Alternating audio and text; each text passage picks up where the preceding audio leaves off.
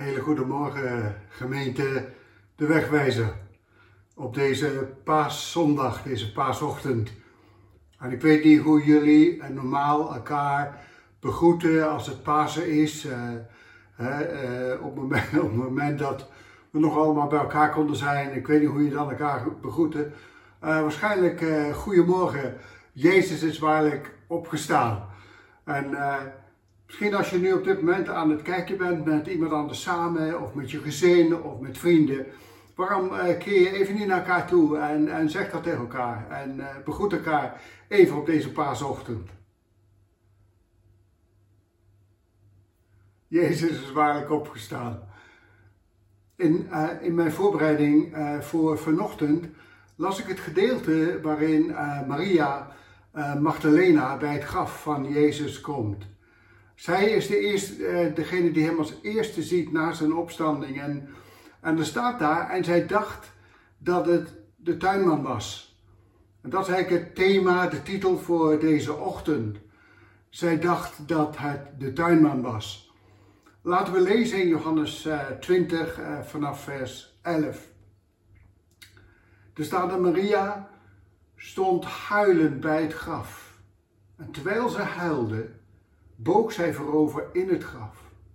En ze zag twee engelen in witte kleding. Eén aan het hoofdeinde en een ander aan het voeteinde van de plaats waar het lichaam van Jezus gelegen had. En deze engelen zeiden tegen haar: Vrouw, waarom huilt u? En ze zei tegen hen: Omdat ze mijn Heer weggenomen hebben en ik weet niet waar ze hem hebben neergelegd. En toen ze dat gezegd had, keerde zij zich naar achteren en zag Jezus staan. Maar ze wist niet dat het Jezus was. En Jezus zei tegen haar: Vrouw, waarom huilt u? Wie zoekt u? En zij dacht dat het de tuinman was.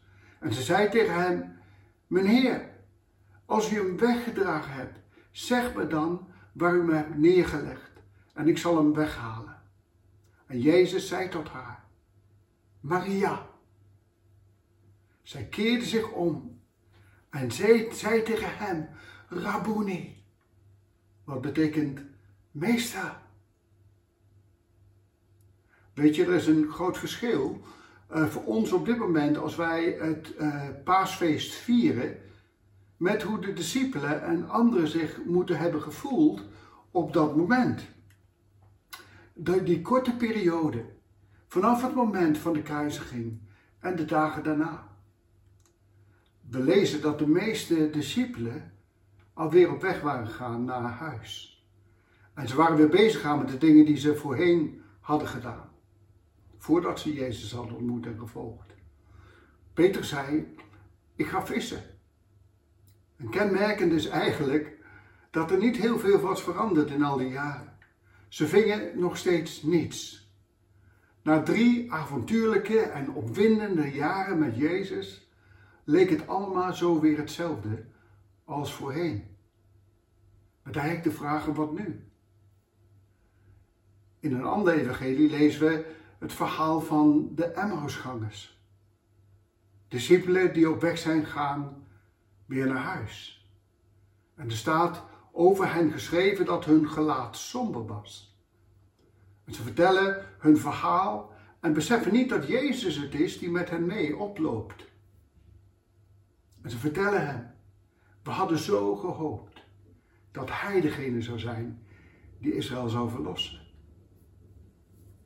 En ze waren niet alleen hun geloof kwijt, maar hieruit blijkt zelfs dat ze alle hoop waren kwijtgeraakt. Weet je, als we onze hoop verliezen, er is niets zo verwoestend voor onze ziel als dit. Hoop is het cruciale wat ons verbindt met deze tijd en de toekomst. Mensen zonder hoop maken soms de raarste beslissingen en vreemde beslissingen, of beslissingen waar ze later zoveel spijt van hebben. Weet je, als je je hoop verliest, dat het weer goed gaat komen in een relatie, met het vinden van een partner of van een weg verder, of, of dingen waar je eigenlijk al die tijd naar verlangt of uitgestrekt hebt. En, en als het niet komt en je verliest je hoop, dan, geef je op. En dan keer je terug naar wat je vroeger deed. En op momenten dat je hiervoor kiest, glijd je eigenlijk weg. En na een tijdje merk je eigenlijk dat het allemaal niet zo is zoals je dacht dat het zou zijn. Het een beetje hetzelfde verhaal als in Lucas 15 over die zoon die weggaat bij de vader en zijn erfenis meeneemt. En het leek eigenlijk allemaal toppie toen hij wegging. Hij had genoeg geld en hij had geen verantwoordelijkheden meer en vrijheid. En uiteindelijk, als hij daar dan zit bij die trog van de varkens en, en eigenlijk zelfs het verlangt naar wat zij eten, dan komt hij tot het besef. Het gaat eigenlijk niet zonder de vader. En hij gleed af en hij werd, het was zelfs slecht voor hem. En eigenlijk had hij er op dat moment alles voor over om maar een dienstknecht te zijn en dan besluit hij om terug te. We lezen hier in Johannes 20 hoe Maria Magdalena bij dat graf aankomt, die graftombe aankomt. En Maria eigenlijk was een vrouw die uit een diep dal gekomen was toen ze de allereerste keer Jezus ontmoette. En ze kwam letterlijk tot bevrijding en werd vrijgezet van demonen en van haar verleden. En Jezus die haar gebroken leven volledig herstelt door zijn liefde en genade over haar. En Maria was een van de weinige vrouwen die voortdurend met Jezus was opgetrokken. Ze was erbij toen hij gevangen genomen werd. En toen hij daar hing aan het kruis. En, dat, en ook toen hij dat kruis door de straten droeg, ze was erbij. Ze was erbij op het moment dat hij zei, het is volbracht. En ze wilde nu, na de Sabbat, zijn lichaam balsemen met allerlei specerijen. Maar ze zag dat de steen al weggerold was en ze gaat dan op dat moment niet naar binnen, maar ze rent terug en vertelt het aan de discipelen. Maar Petrus en Johannes die dit hoorden, renden voor haar uit. Dat is niet eigenlijk uh, als, als, een, als, een, als een gentleman, maar ze renden weg. En ze gingen naar het graf en er staat toen Petrus en Johannes het bewijs zagen van het lege graf, staat er, en beide van hen gingen ieder terug naar zijn eigen huis. Net als de Emmausgangers. Ze waren weer op weg naar huis. Weet je, het is niet verkeerd om weer naar huis te gaan. Maar de verdere gedachte achter dit is eigenlijk, er is eigenlijk geen enkele opwinding meer. Er is geen hoop meer dat er toch nog iets gebeurd kan zijn. Er zijn geen opties in het denken, geen mogelijkheden meer. En naar huis gaan voor ons deze ochtend, misschien zit je thuis en denk je naar huis gaan, ik ben thuis. Maar naar huis gaan zijn eigenlijk de dingen die zien en de dingen onderzoeken en het bewijs zien en naar huis gaan. We kunnen de feiten over de opstanding van Jezus horen en naar huis gaan zonder eigenlijk aangeraakt te worden. Maria was achter de discipelen aangelopen, achter Petrus en Johannes. En zij was dus, wat later als zij, ook weer aangekomen bij het graf.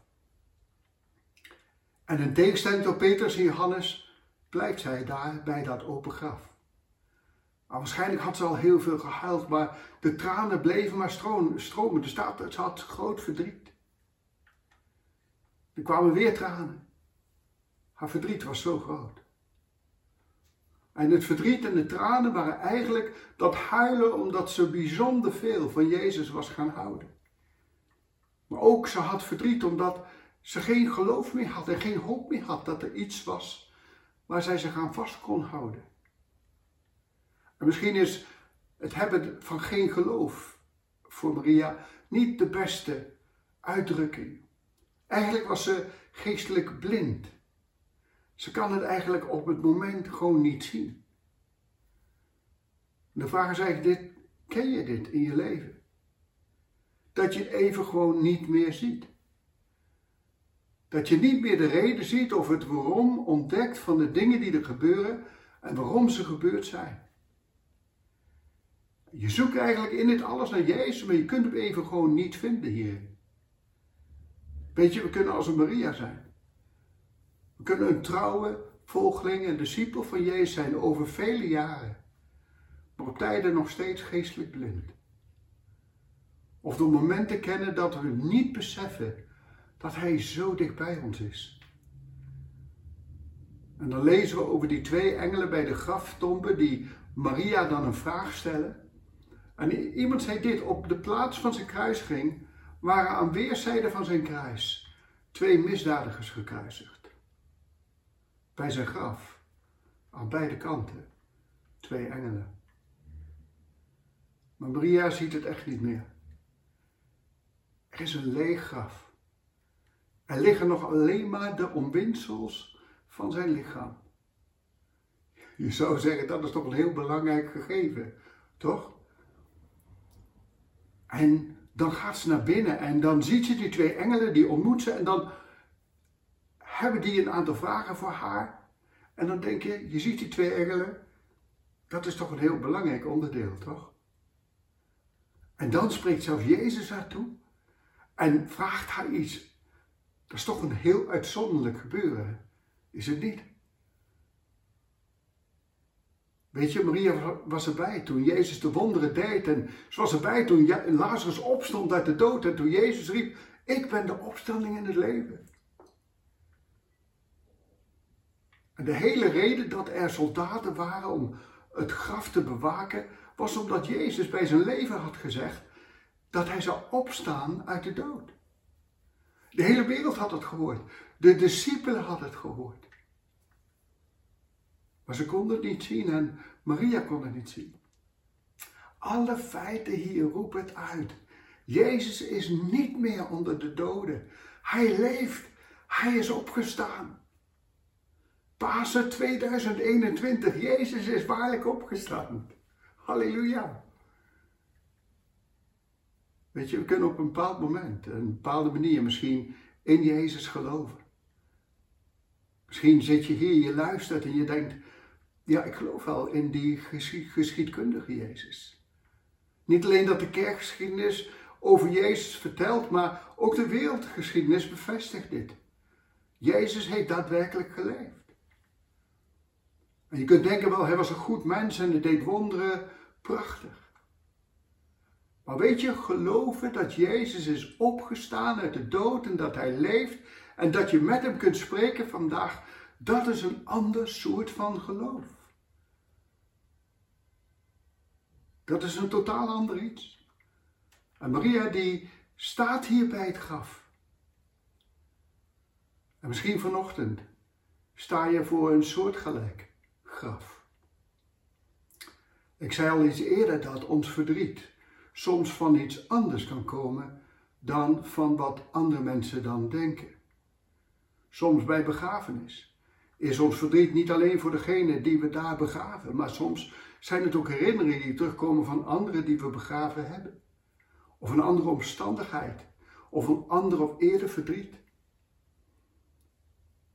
Of je hoort net als vandaag iets over het graf en je gedachten gaan terug en dwalen af naar een geliefde. Misschien word je vandaag herinnerd aan een geliefde iemand waar je afscheid van hebt moeten nemen. Misschien voel je nog steeds die pijn en de leegte daarvan. Of het is een ander soort van graf. Het kan een lege plek zijn waar je vrienden mist die, die ooit in je leven waren, of relaties die er niet meer zijn. Of het graf waar je de leegte voelt van wat je altijd hebt geloofd en waar je altijd op hebt gehoopt en, en een werkelijke verandering te willen zien en ook gebeden hebt en je hebt het niet zien gebeuren tot op dit moment. Het graf misschien van een droom die je eens hebt gehad. Een bijbelschoolleraar van ons uit de tijd in, uh, in Engeland vroeger heeft een boek geschreven met als titel Dead Dreams Can Live. Dode dromen kunnen weer tot leven komen. En heeft het dan over het verhaal van onder andere Jozef. Maar dat dode dromen in onze levens ook weer tot leven kunnen komen. Maar hier staat Maria en ze kan het niet zien. Maar de hemel roept eigenlijk uit: Pasen is geen moment voor tranen. Dit lege graf is er niet één van verdriet, maar van immense vreugde. En de reden dat de engelen een vraag stellen aan Maria is niet omdat zij het antwoord niet weten, Maar ze proberen Maria te helpen om eigenlijk te komen op het punt van geloof. Om het met andere ogen te gaan zien. Maar het enige wat ze kan bedenken is, ja, ze moeten zijn lichaam wel gestolen hebben. Dat is het antwoord. Ze moeten het weggenomen hebben. En, en de reactie is eigenlijk diep vanuit haar verdriet en emoties. Weet je wat het ook zegt? Is dit, is dat het is onmogelijk voor jou en mij. Net als Maria. Om Jezus te zien vanuit onszelf. Iemand zei, je hebt God nodig om God te zien. Geloof is een gave van God. En als je God niet ziet in je leven of nog nooit een keus voor Jezus hebt gemaakt, vraag Hem om zichzelf aan je te laten zien. Dat is een vraag waarop God antwoord gaat geven. En deze, deze gebeurtenis hier met Pasen laat ons eigenlijk ook de enorme genade van God zien. God helpt jou en mij altijd om op een plaats van geloof te komen als we openstaan. En Maria die keert zich om en ziet Jezus staan zonder dat ze hem herkent. En dan staat er, zij dacht dat het de tuinman was. In het Grieks staat er de bewaarder van de tuin. Het doet me terugdenken aan die eerste Adam, die samen met Eva, zijn vrouw, in een prachtige tuin is geplaatst om die tuin ook te onderhouden. En niet alles was al tuin. Er lag een opdracht om alles wat goed was. En het was goed, zegt de Bijbel. Het is goed. Vanaf dat moment ook verder te cultiveren. En, God zegt eigenlijk tegen Adam en Eva: Hier is jullie tuin. Ik heb een begin gemaakt. Het is een beetje hetzelfde als wij soms tegen onze kinderen kunnen zeggen: Hier, ik heb even een beginnetje gemaakt. Ik heb even een start gemaakt. Nou, kun jij het zelf afmaken.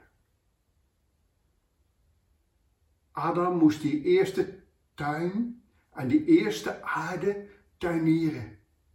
Voor de eer en de heerlijkheid van de Vader. Maar hij faalde. En hij die geschapen was om het stof van deze aarde vruchtbaar te maken, werd onderdeel van het stof en keerde zelf weer tot stof. En de prachtige tuin, die als een prachtige groeiende tuin bedoeld was, werd eigenlijk de woestijn van deze wereld. En dan is hier in dit moment een Maria die in die tuin staat en denkt dat hij de tuinman is. Je zou eigenlijk kunnen zeggen, wie had het anders kunnen zijn op zo'n vroeg tijdstip in de ochtend dan de tuinman? De tuinman. Ja, hij is eigenlijk de tuinman. De tweede mens, de laatste Adam. En door zijn opstanding is Jezus begonnen met het herstel van de tuin. Wat Adam niet had kunnen afmaken, is wat Jezus afmaakt. Als we kijken naar het laatste hoofdstuk in de Bijbel, in het boek Openbaring, aan het einde van het boek staat dat Johannes uh, een nieuwe aarde uit de hemel ziet komen. En hoe ziet die aarde eruit? Er staat het is een prachtige tuin met in het midden de boom des levens. Jesaja 35 vers 1 zegt de woestijnen, de dorre land zullen zich verblijden. De steppen zal juichen en bloeien als een narcis. Zij zal welig bloeien en juichen. Ja, juichen en jubelen. De woestijn zal weer bloeien als een narcis. De wildernis wordt weer een heerlijke tuin. Maria dacht dat hij de tuinman was. En op een bijzondere manier is Jezus dit ook. Hij is de enige die dingen tot leven kan laten komen in het opstandingsleven. Hij kan dingen tot bloesem brengen. En door ons geloof zijn we niet alleen onderdeel van deze tuin, maar we gaan meewerken aan deze prachtige tuin. Een schitterende tuin met, met de boom des levens, dat is Gods plan. En door zijn opstanding is het mogelijk geworden. Jij en ik, we zijn deel van die tuin. In Johannes 15, vergelijkt Jezus ons met ranken aan de wijnstok. Dat is deel van de tuin. In de psalmen staat dat de, dat de palmbomen in zijn huis zijn. We zijn als palmbomen in het huis van de Heer. Dat zie jij en ik. En Psalm 1 zegt, we zijn als een boom geplant aan de stroom, aan een rivier, die vrucht draagt. We zijn deel van die tuin. Maar het prachtige is ook dit, is dat door de opstanding van Jezus Christus uit de dood, doordat we zijn leven aanvaarden en in dat opstandingsleven staan, zijn we niet alleen een onderdeel van de tuin, maar we kunnen meewerken aan die prachtige tuin. Paulus zegt, de een is geroepen om te planten, de ander om het te begieten. En dan kan God het laten groeien. God zelf geeft de groei. En Maria staat daar in die tuin. En ze denkt dat hij de tuinman is. En dan noemt Jezus haar naam. Maria. Weet je, ik herinner me het verhaal van een vriend van ons.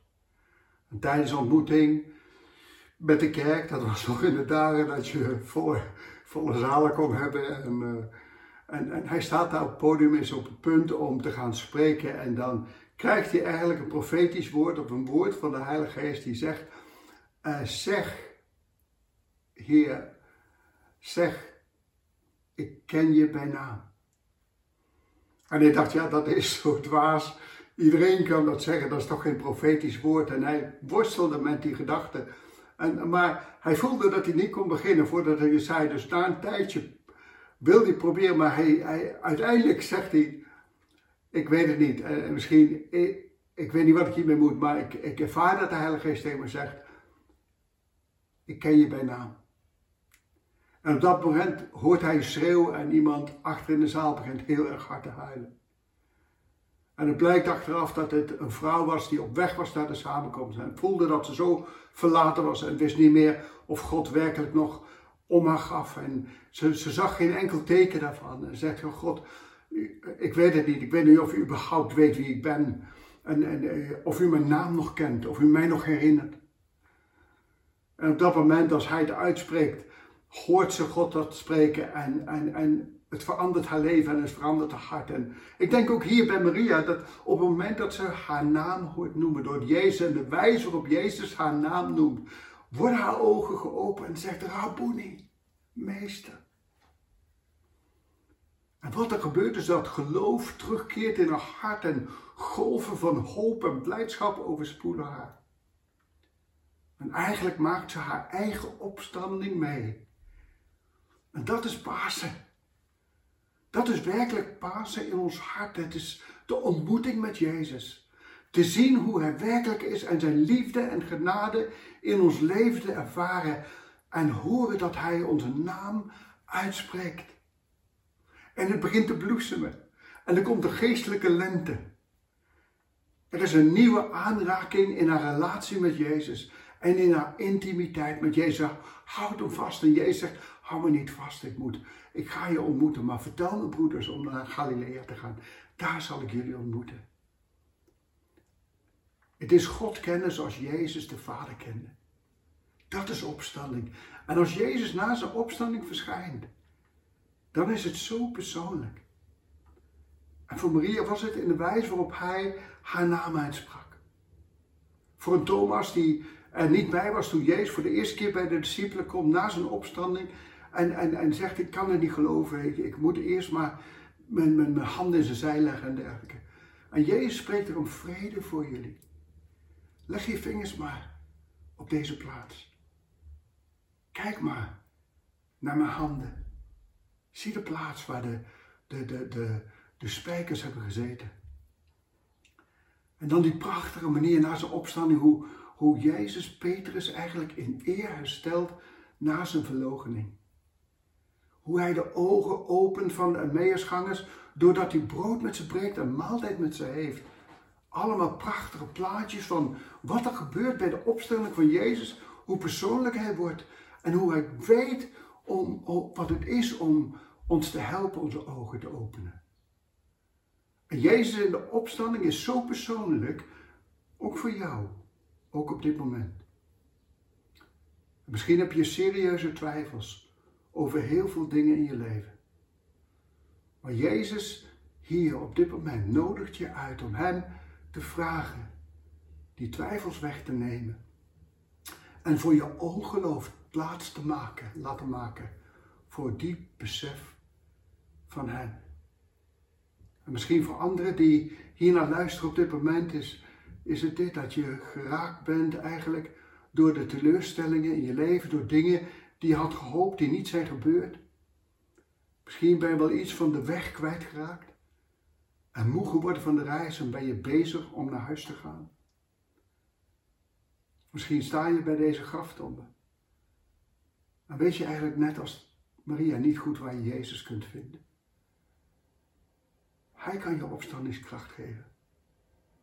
Zullen we een moment nemen om samen naar hem toe te gaan en hem te vragen om hierin te komen? Zullen we samen? Heer Jezus, we zijn zo bijzonder dankbaar voor dat u ons precies kent. Dat u weet waar we voor staan, dat waar dit graf ons misschien zelf persoonlijk aan herinnert of dingen die er gebeurd zijn in het verleden.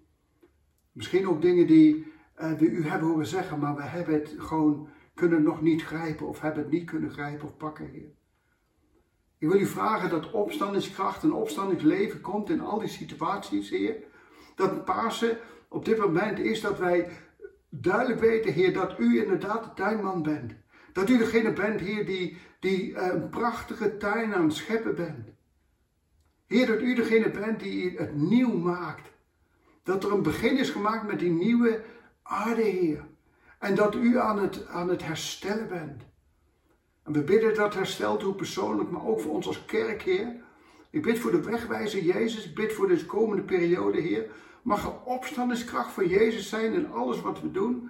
En mag alles wat u, wat, wat tot een woestijn is geweest, bloeien als een narcis. En opkomen. Laat de wildernis, Heer, weer worden tot een prachtige tuin. Laat deze aarde zien en laat deze wereld weten dat in Jezus dat nieuwe leven op kan bloeien. Dank u, Heer Jezus, voor uw geweldige liefde en zorg. Heer, neem het verdriet weg. Open onze ogen. En mogen we u zien, Jezus, zoals u werkelijk bent. In Jezus' naam.